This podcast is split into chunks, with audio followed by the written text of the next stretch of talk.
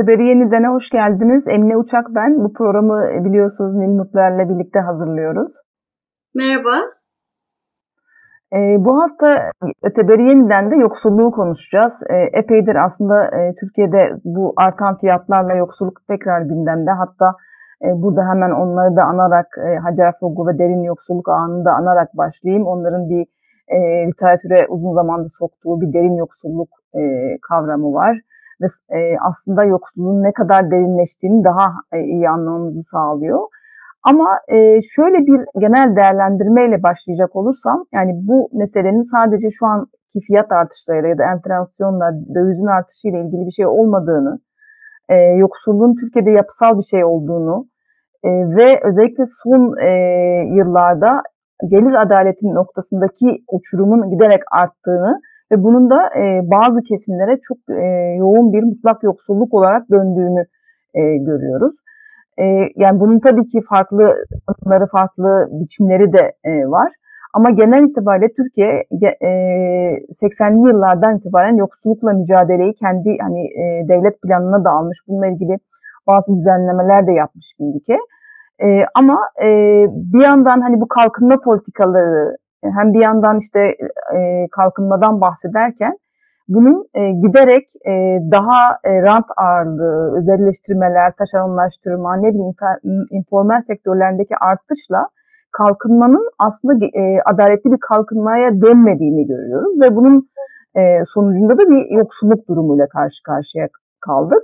Bu son e, yıllardaki döviz artışı meselesi ya da enflasyon meselesi de zaten bunu sadece bazı kesimler için değil hepimiz için yani hani normal e, düzenli geliri olanlar için de geçinememe e, noktasına getirdi. Ama zaten hani e, düzenli geliri bir güvencesi olmayanlar için de artık açlık sınırı dediğimiz temel gıdalara erişememe noktasındaki bir e, krizle karşı karşıyayız ve her gün işte kuyruklar, bununla ilgili e, yaşanan e, işte dramlar çok farklı tezahürlerde ortaya çıkıyor. Ben böyle hani çok kısa bir e, değerlendirmeyle burada sözü Nil'e vermek istiyorum. E, sonrasında bunun hem aslında nasıl bu kadar derinleştiğini, hem nasıl dönüştüğünü hem de niye yönetilemediğini yani yoksulluğun bir risk e, yönetimi olarak hayatımızda hep niye böyle kaldığını tabii ki yani konuşmaya devam ederiz.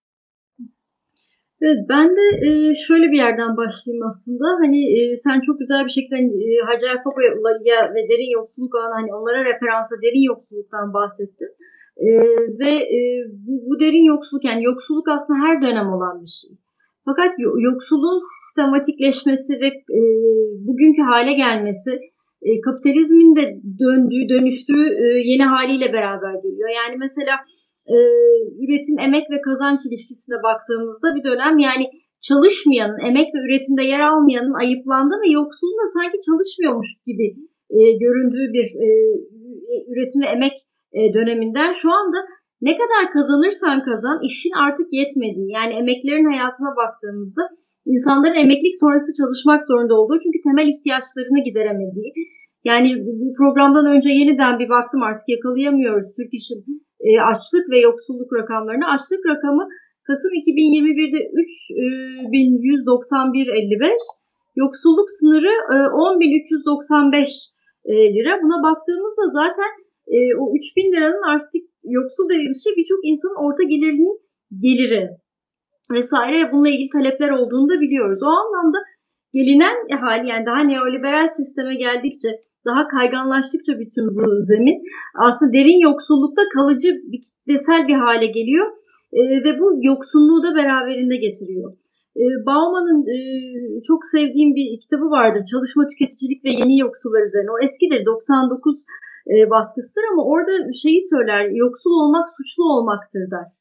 Yani çünkü hep sanki çalışmayan, ötekileştirilen diye fakat onun dışında aslında yoksul olmanın e, statü olarak da kaynaklara e, ulaşmada da bir engel olduğunu yani e, aslında bu, burada bir kısır döngüden bahsediyoruz. Yani hem yoksullara o kaynakların verilmesi aslında bir hak, yurttaşlık hakkı mesela eğitim, e, sağlık, e, barınma gibi. E, ama bunun dışında e, yoksulluk dediğimiz şey bütüncül ele alınması gereken bir şey ve bunun içinde etnisite, göç, cinsiyet, ina, inanç bütün bunların hepsinin de e, insanların e, o, ekonomik ekonomiyle beraber statüsüyle e, harmanlanarak ötekileştirmeye neden olduğunu e, o anlamda da hani yoksulluğun aynı zamanda yani yoksullukla farklı olduğunu ama bir yanıyla da birbirlerinin hani çıkmaz bağlantılı iki kavram ve nokta hal olduğunu söyleyerek ben de devam edeyim. E, sana da hatta bir e, soru e, söyleyeyim. Sen de, sen de çok saha çalışması yapan birisin. E, benim de şimdi saha çalışmalarım geliyor aklıma ama önce sana söyleyeyim. Te, tezahürleri nasıl gelişiyor? Biliyorum ki e, çiftçilerle çalıştığın oldu. E, o tezahürlerle ilgili neler söylemek istersin? yani aslında mesela başka bir saha için, başka bir araştırma için mesela diyelim ki işte bir tarım ürününün geleceğiyle ilgili bir araştırma için sahaya çıkıyorsun. Ama orada aslında e, yoksulluğun nasıl farklı bir şekilde tezahürlerin olduğunu e, görüyorsun. Bir kere böyle bir e, durum var. E, onun dışında çok farklı yoksulluk biçimleri var. Yani mesela öğrenciler için e, diyelim ki kendi aile, aileleriyle birlikteyken bir yoksullaşma hali olmayabilir ama okul e, okul için ayrıldığında gel, gelip mesela burada kirada kaldığında farklı bir yoksulluk biçimiyle e, tanışabiliyor. Yani o yüzden böyle e, anlık da değişebilen bir şey ama genel itibariyle şu anda hani temel gıdaya erişemeyenler, barınma problemi yaşayanlar, ne bileyim eğitim hakkı ile ilgili sıkıntı yaşayanlar, sağlık güvencesi, bütün bunlarla ilgili örnekler görüyoruz e, toplumsal hayatta. E, yani mesela e, şöyle bir şey var. Bir yandan da hani güvencesizlik dediğimiz bir şeye dönüştü. Hani bir işi var. Mesela özellikle bu üniversite mezunların işte kuryeler, işte motokuryeler bu pandemimizin pandeminin hayatta soktuğu yani geçici de olsa bir iş bulabilmiş ama aslında o yarın o işin devam edip etmeyeceğini bilemiyor. Yani çünkü çok e, şey hani e, sigorta hakları olmuyor, çalışma saatleri uzun oluyor veya işte sonrasında de devam edemiyor. Ya mesela tarımdan bahsettik. Tarımda çalışan bir e, çiftçinin aslında bir üreticinin e, o yılki üretimiyle kendisini geçindirebilmesi, hatta çevresini geçindirebilmesi e, beklenir. Ama şimdi mesela e, maliyetler o kadar arttı ki bütün çiftçiler elektrik, mazot, gübre fiyatları derken aslında borcu çalıştığını, krediye çalıştığını söylüyor. Yani e, ki mesela geçen senelerde bir sürü teşvik krediler falan verildi. Ama nihayetinde çiftçiler sürekli borcu, borcu çalıştıklarını söylüyorlar. Ve böylece aslında mesela eğitim meselesi. O yüzden aslında yoksulluk e, ya bütünlüklü bakmak dedin sen. Gerçekten de bu meseleyi tek bir tarafla bak, bakamayacağımızı, bütün tarafların birbirleri bağlantısı olduğunu ve en temel e, sosyal hakların hepsinin odağında olduğunu e, görmek gerekiyor. Mesela eğitim meselesinde eğitim yıllarca hani bir yandan da aslında yoksulluk durumunu veya hani sosyokültürel durumu bir fırsat eşitliği sunuyor değiştirmek için. Yani hani bizim e, e, kuşak e, kuşaklar için ebeveynlerinin hayatından farklı bir hayata geçebilme imkanı tanıyordu. Ya da ne bileyim işte e, mesela benim dönemimde işte dershaneye gitmeden üniversiteyi kazanma ihtimalim vardı. Ama mesela şimdi LGS sınavları yeni sistem sosyo, e, ebeveynlerin sosyokültürel durumlarının iyi olması halinde çocuğun başarıya ulaştığını gösteriyor. E zaten hani baştan hani bu e, bir yoksulluk durumu oluşmuş oluyor ve hani yeni yeni e, nesiller için bunu e, atlatmak da e, kolay olmuyor. Bu sefer devreden bir yoksulluğa e, devam ediyor. E, ondan sonra e, mesela tarım daha mevsimlik tarım işçileriyle ilgili yani hani şimdi gıda krizi e, yaşanıyor bir yandan da işte fiyatlar çok artıyor. Burada mesela mevsimlik tarım işçilerinin sorunları yıllardır hem onlar için hem çocukları için yani e, hem hayatı geçirme noktasında hem çalışma koşulları noktasında hem de yine eğitim, barınma, sağlık bütün bu konularda e, bir şey var. Yani kadınlar açısından ayrı bir yoksulluk görüyoruz. Kadınların ki zaten e, bambaşka bir şey. Yani çünkü çok informal, çok güvencesiz e, alanlarda çalışıyor. Özellikle ev içi emeğinde çalışıyor kadınlar. E, o yüzden hani e, gerçekten çok e, tezahürü var.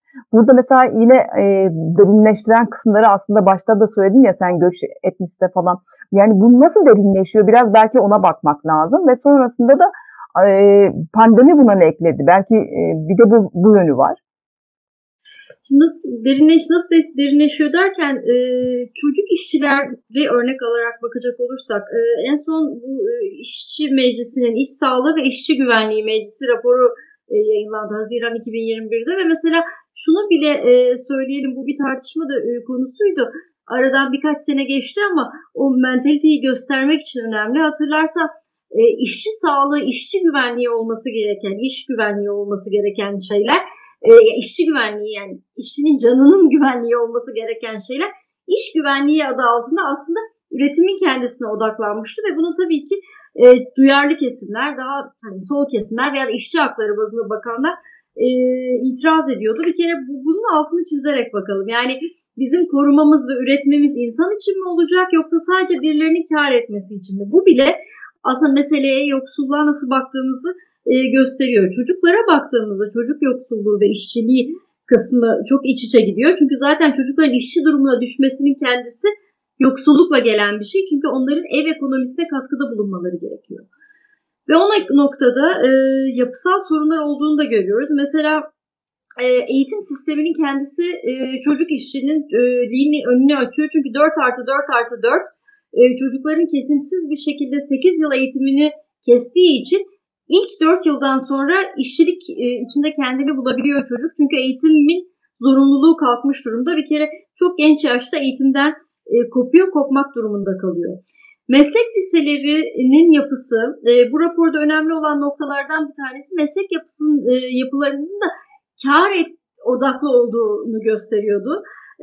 Mesela bu özellikle Covid döneminde üretimlerde çok ciddi bir şekilde lise öğrencileri kullanılmış. Yani eğitimin kendisinin aslında kar amacı hizmet eden bir, bir yapıya döndüğü, kar üreten bir yerde e, kullanıldığını görüyoruz bunu.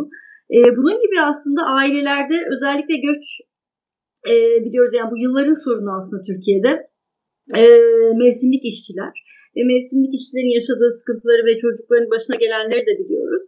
E, ve, ve orada da o çocukların e, hem gittikleri yerde hem de hem kal kalamıyorlar çünkü aileleri göç edip e, ekmek getirmek zorunda. Oraya gittiğinde de onlar da bir iş gücü olarak katılıyor.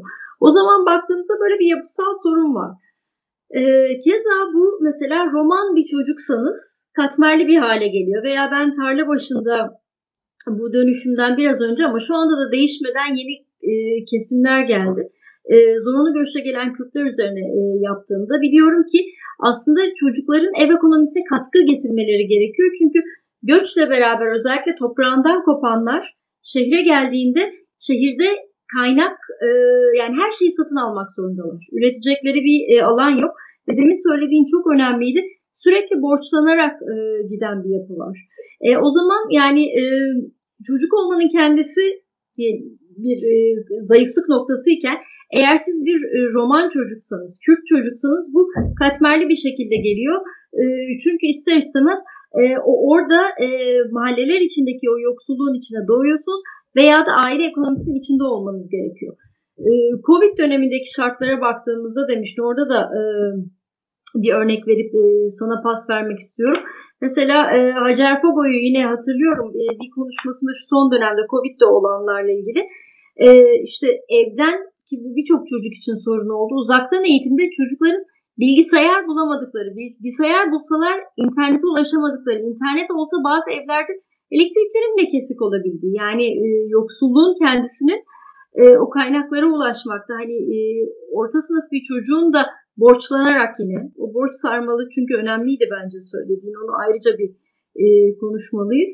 E, ama o yapısal bir durum içinde, yeni norm içinde otomatik olarak dışında kaldığını derin bir alan içinde olduğunu gösteriyor. Bunu söylemişken sen e, Covid ve özel durumlardaki yoksulluktan bahsettin. Bunlarla ilgili neler söylemek istersin? Şimdi Covid'de e, eğitim meselesi çok gündeme geldi. Hani e, sen de söyledin. Ama mesela bu özellikle kırsalda aslında eğitime ulaşamamak ya da online eğitimden hani az eğitim almak gibi bir şey değil. Tamamen eğitimden kopuşa e, da sebep olmuş bazı yerlerde. E, mesela Diyaman'ın köylerinde yazın bir araştırmada e, bunu fark ettim. Üçüncü sınıfa geldiğinde halen mesela e, bizim dönemimizdeydi aslında Kürtçe e, sadece hani dil meselesiyle ilgili okula gitmeyi istememek. Çünkü hani Türkçe bilmiyordu, orada dışlanacağını düşünüyordu. Ama hani birinci sınıfı pandemide yakalanan çocuklar 3 yıl hiç neredeyse 2,5 yıl eğitim görmemiş oldular. Çünkü internetin çekmediği köylerden bahsediyoruz. Yani bırak hani bilgisayarı olsa bile hani online eğitime ulaşamayan ya da televizyon olsa bile ulaşamayan ya da televizyondan ne kadar ebayı izleyebilecek. O yüzden böyle bir hani bir de bu kız çocuklarına tabii ki hemen ev içi emeğe sen de söyledin. E, hizmet sektöründe çocukları çok gördük. O yüzden e, bu mesela e, zaten Türkiye'de şöyle bir sorun var. Yani bu yoksullukla ilgili de bütün meselelerle ilgili geçen haftalarda bir TÜİK meselesini Kılıçdaroğlu gündeme getirdi. Yani veriye ulaşamamakla ilgili bir sorun var ve aslında veriyi ortaya koymakla da ilgili. Yani mesela pandemi dönemi eğitim üzerinden sadece eğitime ulaşamama, erişememe üzerinden e, değerlendirdi ve gitti. Hayır ne kadar kopuş olduğunu kesinlikle bilmek zorundayız. Kız çocukları üzerinde de ne kadar kopuş olduğunu e, bilmek zorundayız. Bu bir. İkincisi mesela pandemi bazı e, sektörler için aslında bazı gruplar için de çok onları yoksullaştırdı. Yani mesela hep bu örneği veriyorum. Müzisyenler aslında genel itibariyle daha orta sınıf, daha geçinebilir. Yani onların da çok güvencesizlikle ilgili durumları var ama nihayetinde hani biraz sanat alanı daha böyle e, bir üst sınıf gibi görünüyordu Türkiye'de. Ama e, bu dönemde çalışamadıkları için ve yeterli destekler de alınamadığı için e, bir sürü intihar müzisyenlerin intiharlarını gördük. Yapılan raporlardaki bu yoksullaşma halini gördük.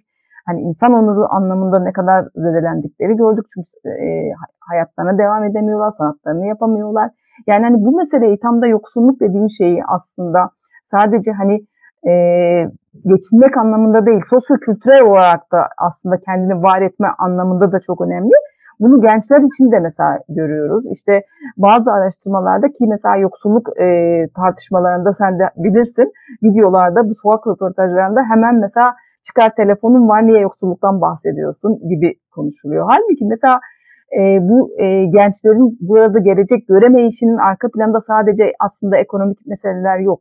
Kendisini burada var edememe, kimlik olarak, kültürel olarak da burada aidiyet kuramamayla, o kendine bir alan yaratamamayla ilgili de bir sorun, e, bir durum var. O yüzden de aslında burada bir e, böyle bir bu yönüyle bakmak lazım. Yani bugün mesela artık insanların sadece hani e, temel gıdayı nasıl alışa, alabileceğini düşündüğü bir ortamda tabii ki kültür sanat bölümü kendine yatırım yapma, geleceğini kurgulama e, o kadar uzak bir şey ki şimdi e, yeri gelmişken söyleyeyim mesela Bizim genç bir milletvekilimiz var. E, geçen gün e, Gençlik Bakanlığı'nın bütçesi konuşulurken mecliste bir gençlik hayalimiz var diye o kadar böyle toz pembe bir konuşma yapıyordu ki AK Partili bir vekil.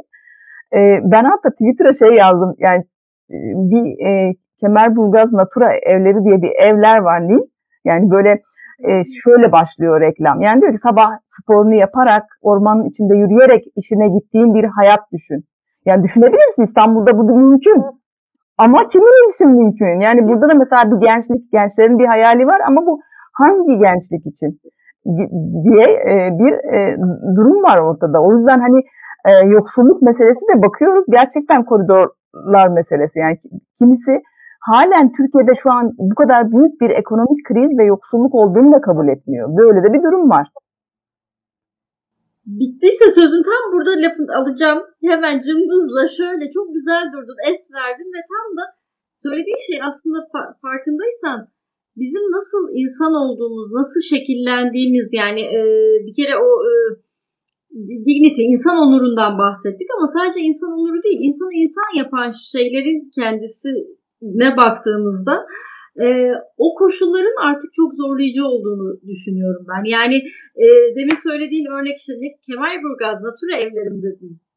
E, evet öyle hoş, e, steril evler, hayatlar var ama onlar bile işe gideceklerse işleri yakında olmak zorunda. Yani ona kadar çok derin bir aslında sıkıntılı, yapısal bir sıkıntı var ama şu geliyor aklıma yoksulluk yoksulluk derken e, şimdi yaşımız da çok ortaya çıkacak ama biz 90'larda gençken diyeyim e, aslında kitapları alıp kitapları birbirimizle paylaşıp ama o kitapları okuyup tartışıp veya film akşamları beraber yapıp üzerine tartışıp böyle mutlu mesut yaşardık. İnternet yoktu ama çok daha derin bilgi aldığım bir dönem olduğunu hatırlıyorum ve bunun temel nedeni aslında birçok bilgiye maruz kalmamak vesaire de olabilir ama mütevazi ve tüketim odaklı şeylerden zevk, haz almamak tam tersine bilgiye ve kendi yaptığın yatırıma yönelik şeylerden haz almakla da ilgiliydi. Tabii ki yine bunu içine atanlar böyle devam ediyor ama hayat bize söylediklerinle beraber yani özellikle gençler ve çocuklar bazında baktığımızda tabii bunda medyanın etkisi var, reklamların etkisi var ama öyle bir hayat ve ideal sunuyor ki e, o Bauman'ın dediği yani yoksul olmak suçlu olmaktır ve suçlu olmak ve yoksul olmak dendiğinde aslında o üst sınıfların yoksula bakışı ister istemez bir öfke. Kristeva buna e, abjection ya içine alıp dışarı atma böyle bir tiksinmeyle atma gibi. Bunu daha çok mesela kadınlara erkeklerin bazen yaptığı falan gibi bir şeydir o. Bir ötekileştirme yani egemen hissedenin aslında kendisinde olabilecek bir şey başkasında gördüğünde ötekileştirmesi. Etnik olarak da olabilir ama bu sınıfsal olarak baktığımızda sürekli e, konuşulan şey bilgi üzerinden, birinin varlığı düşüncesi üzerinden değil, tükettikleri e, üzerinden e, sürekli konumlandığı ve hapsedildiği bir yer olması. Bu çok sıkışık bir alan ve bu aslında insanı insan yapan değerleri de son derece unuttuğumuz, bunu konuşmadığımız, birbirimizin ne düşündüğünü, ne dediğini önemsemediğimiz, tam tersine o steril hayatlarda, steril şartlarda yaşarken hani rahatmışız ve olabiliyormuş e, gibi hissettiğimiz bir an. Yani bunun kendisi çok tehlikeli, e, bu önemli. İki bu yoksulluk derken e, hani yoksulluk ve yoksullukla yan yana giden şeyde e, orta sınıflar yani belirsizlikten bahsetti. E, gittikçe ve son dönemlerde bir çıkan kavram vardı artık bir 5-10 yıl oldu herhalde resilience esneklik kavramı. Yani bizim aslında o kadar otoriteryenizm, neoliberalizm, ne muhafazakarlık o kadar sert bir şekilde geliyor ki var olabilmek için sürekli esnek olmamız lazım.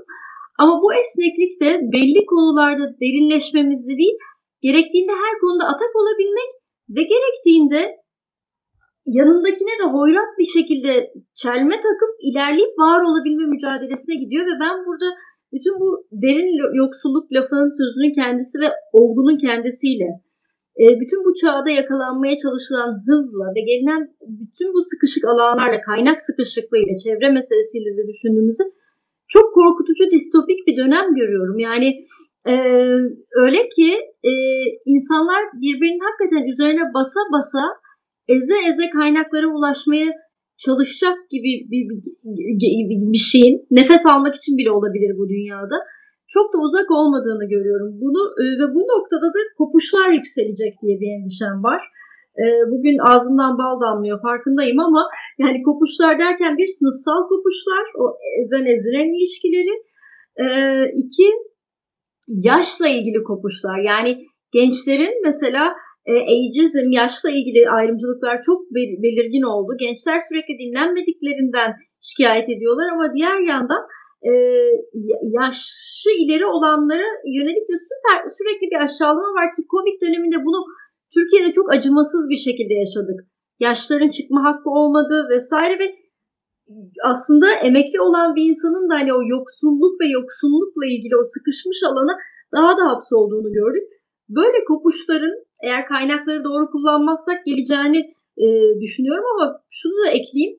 Eğer dünyanın kaynaklarını doğru bir şekilde kullanmayı düş, e, becerip ki işte küresel yani iklim krizinden e, başlıyor bu. Diğer yandan tüketim merkezli bir hayattan daha paylaşım merkezli bir hayata doğru e, döndüğümüzde ve değerlerimizi yani haz aldığımız şeyleri çünkü haz aldığımız şeyler de yoksunlukla belirlenir ya yani bazen çok psikanalitik bir yerde yani bir şeyin arzu nesnesi olması onun haz getireceğini düşünülmesi aslında biraz da yokluk arzu nesnesi olması yok olmasıyla da ilgili ama belki orada o haz ve arzu nesneleriyle ilgili ilişkimizi de değiştirebilirsek de e, bu geminin bu gidişatını e, saplanma, karaya saplanma gidişatını biraz olsun değiştirebiliriz gibi geliyor.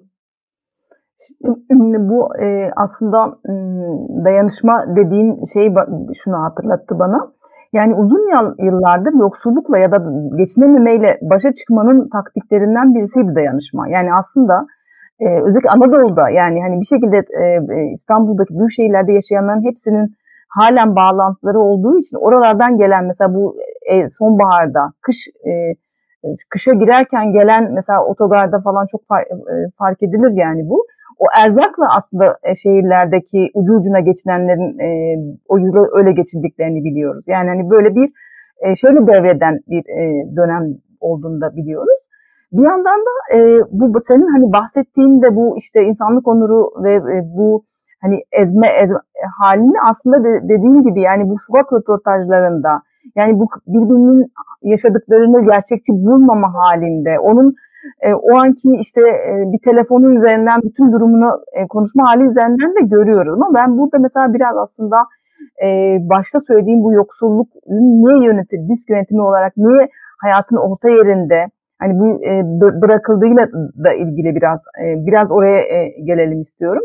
Çünkü yani bu mesele yani sosyal haklar meselesi bağlamında bir hak meselesi olarak bakılmadığı ve bütünlüklü olarak bir çözüm getirilmediği sürece yani yardıma, sosyal yardıma bağlı gruplar oluşturulduğu sürece bu devam edecek ve krizler işte iklim krizi, pandemi yeni krizlerle daha derinleşecek. O yüzden buna e, burada tam da Ayşe Buğra'ya ve sosyal politika alanında yıllardır çalışan herkese aslında bir e, şey de yaparak belki de bir gönderme onların emeklerini hatırlatarak e, söylemek lazım. Ya bu alan çünkü uzun süre evet ilk başta e, başladığında e, gerçekten hani kriz çözümü anlamında sosyal yardım mekan, mekanizmaları çok e, işletildi ve halen de işletiliyor. Hı.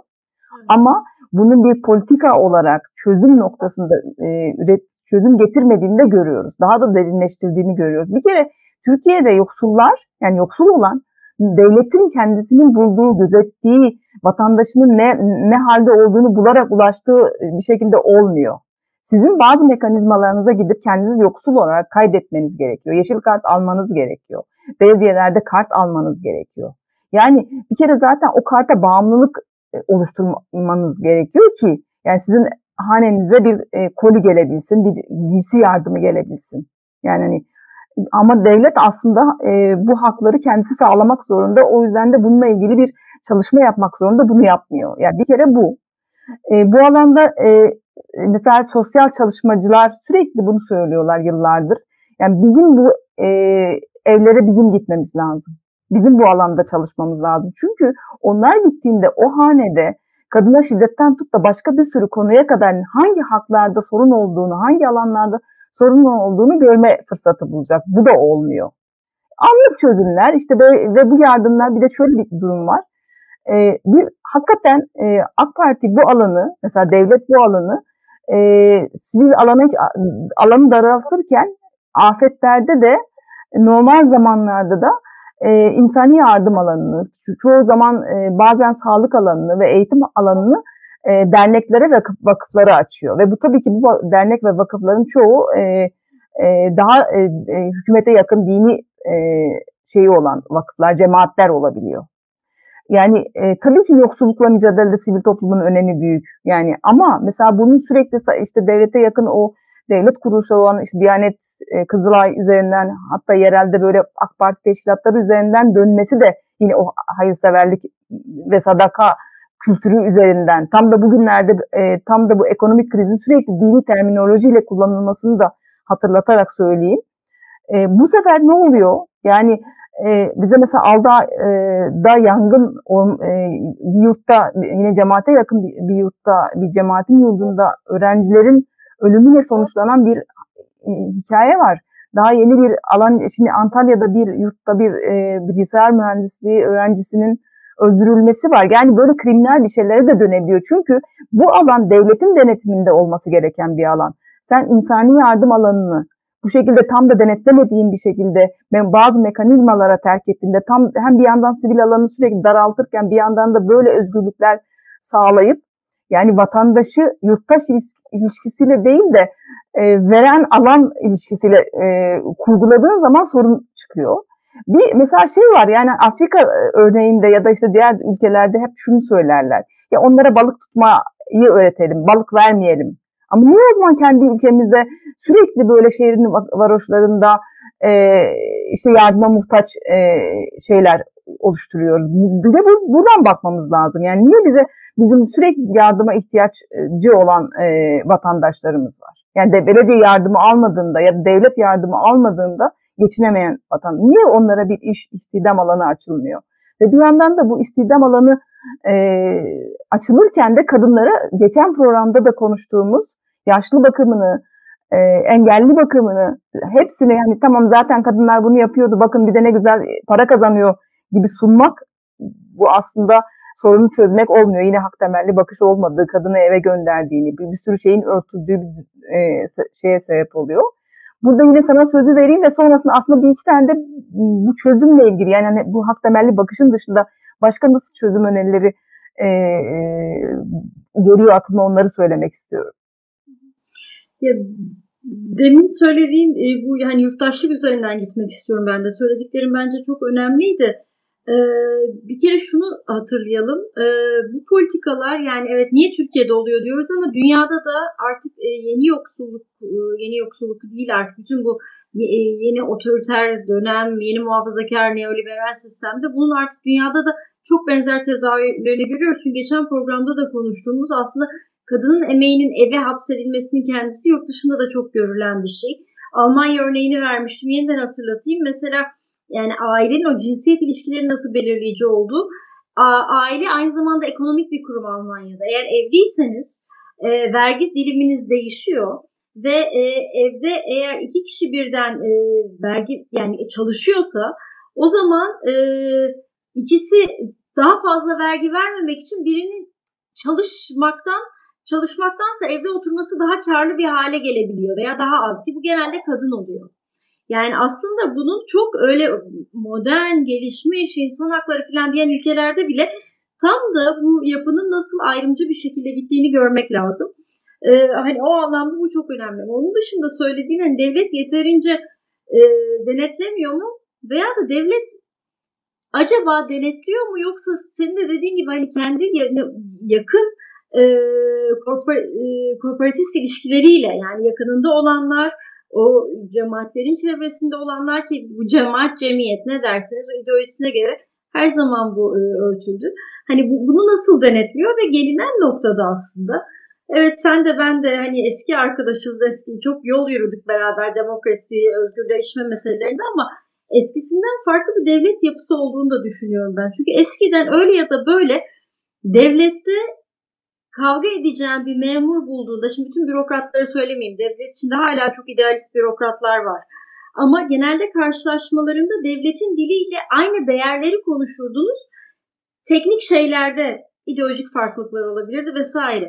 Ama şimdi zaten öyle bir kaygısı olan bir insanla da karşılaşamayabiliyorsun. Zaten o zaman kimse yoksulluk önemli umurunda olmuyor. Birilerine bir para dağıtılması ve o hayır iş, işin içinde o ilişki ağını tutabilmek e, çok daha önemli e, oluyor.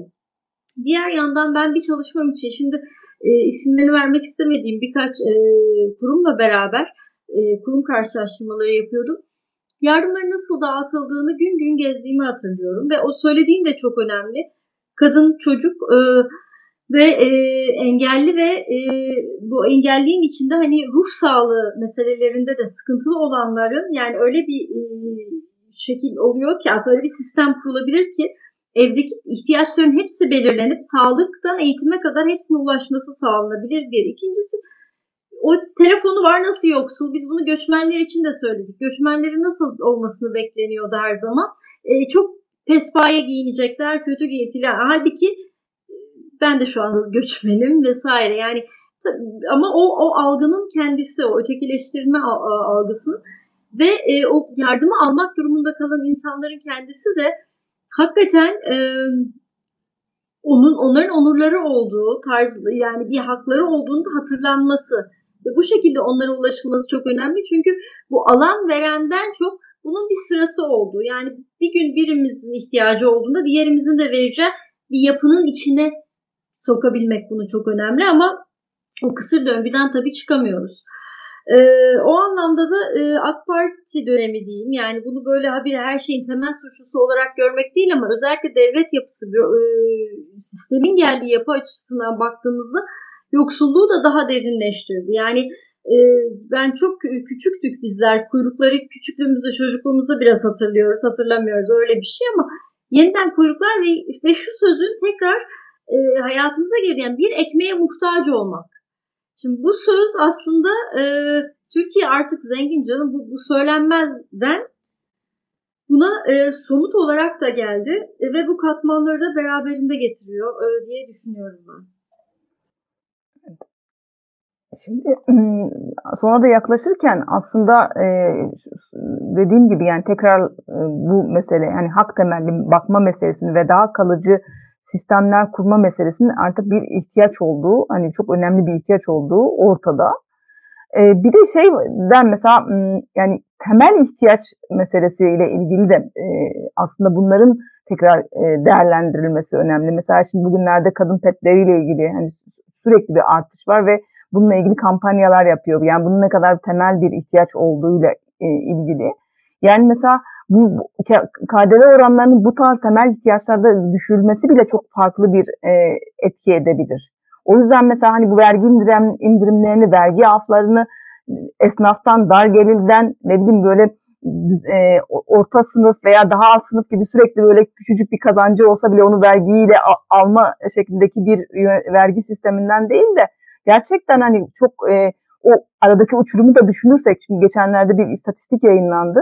Türkiye'de yüzde on olan bir dilim e, pas, e, pastanın hani dağılımının yüzde elli dördünü alıyor yani. Hani o yüzden o vergi meselesini belki bu, bu anlamda tekrar elden geçirme noktası çok önemli. Yani burada e, asgari açlık sınırı meselesinin de tekrar gözden geçirilmesi lazım. Yani bu yeni oluşan piyasa koşullarını, yeni ihtiyaçları, neslin değişiminin ihtiyaçlarının da nasıl değiştiğini gör, görerek hani bakmak e, bu anlamda çok bütün e, önemli. Yani hani şimdi mesela bir yandan e, siyaset buna çözüm ararken hani veya siya, asıl siyasette yenilikler konuşulurken bu, bu gibi yapısallaşmış sorunlar noktasında da e, yeni partilerin veya e, şu an ne bileyim seçim sürecine girdiğinde bu bunu çözme noktasında nasıl bir irade gösterdiği de o yüzden önemli. Yani çünkü sonuçta buradaki sorunu görmek istemeyen bir iktidarın karşısında e, nasıl kendimizi sürekli böyle hani geçinemediğimizi anlatmaya çalışırken bu sadece bu e, biz de geçinemiyoruz, şu da geçinemiyor gibi bir yerden değil. Şunlar yapılırsa bu yapısal sorun çözülür e, noktasına evrilmek lazım. Yani bu yüzden de siyasette belki bu anlamda önemli bir rol düşüyor ve aynı şekilde hani sivil alandaki bizler için e, deyip ki aslında hani sivil alandaki bizlere çok rol düşüyor ama bit, bit, bitirmeden onu da söyleyeyim bir yandan da hani alan bu kadar daraltılırken nasıl çalışılacak sahada e, insanlar nasıl çalışacak bu da ayrı bir sorun olarak ortada. O yüzden siyasetin buna da çözüm bulması gerekiyor deyip kapatayım. E, iyi akşamlar dileyim. İzleyicilerine. Bir de küçücük bir ekleyeceğim vardı ona. Yani vergilerle beraber aslında şunu da düşünmek lazım. Kaynakların tabii e, dağılımı kısmı önemli. E, ama yeşil ekonomi ve yeşil siyasetin kendisinde yani daha doğal kaynaklar çünkü yaşayacak bir dünyamız kalmadıkça da yoksulluk derinleşecek. Hani onun da önemli olduğunu e, da hatırlatarak ben de iyi akşamlar dileyim. Hoşçakalın. İyi akşamlar.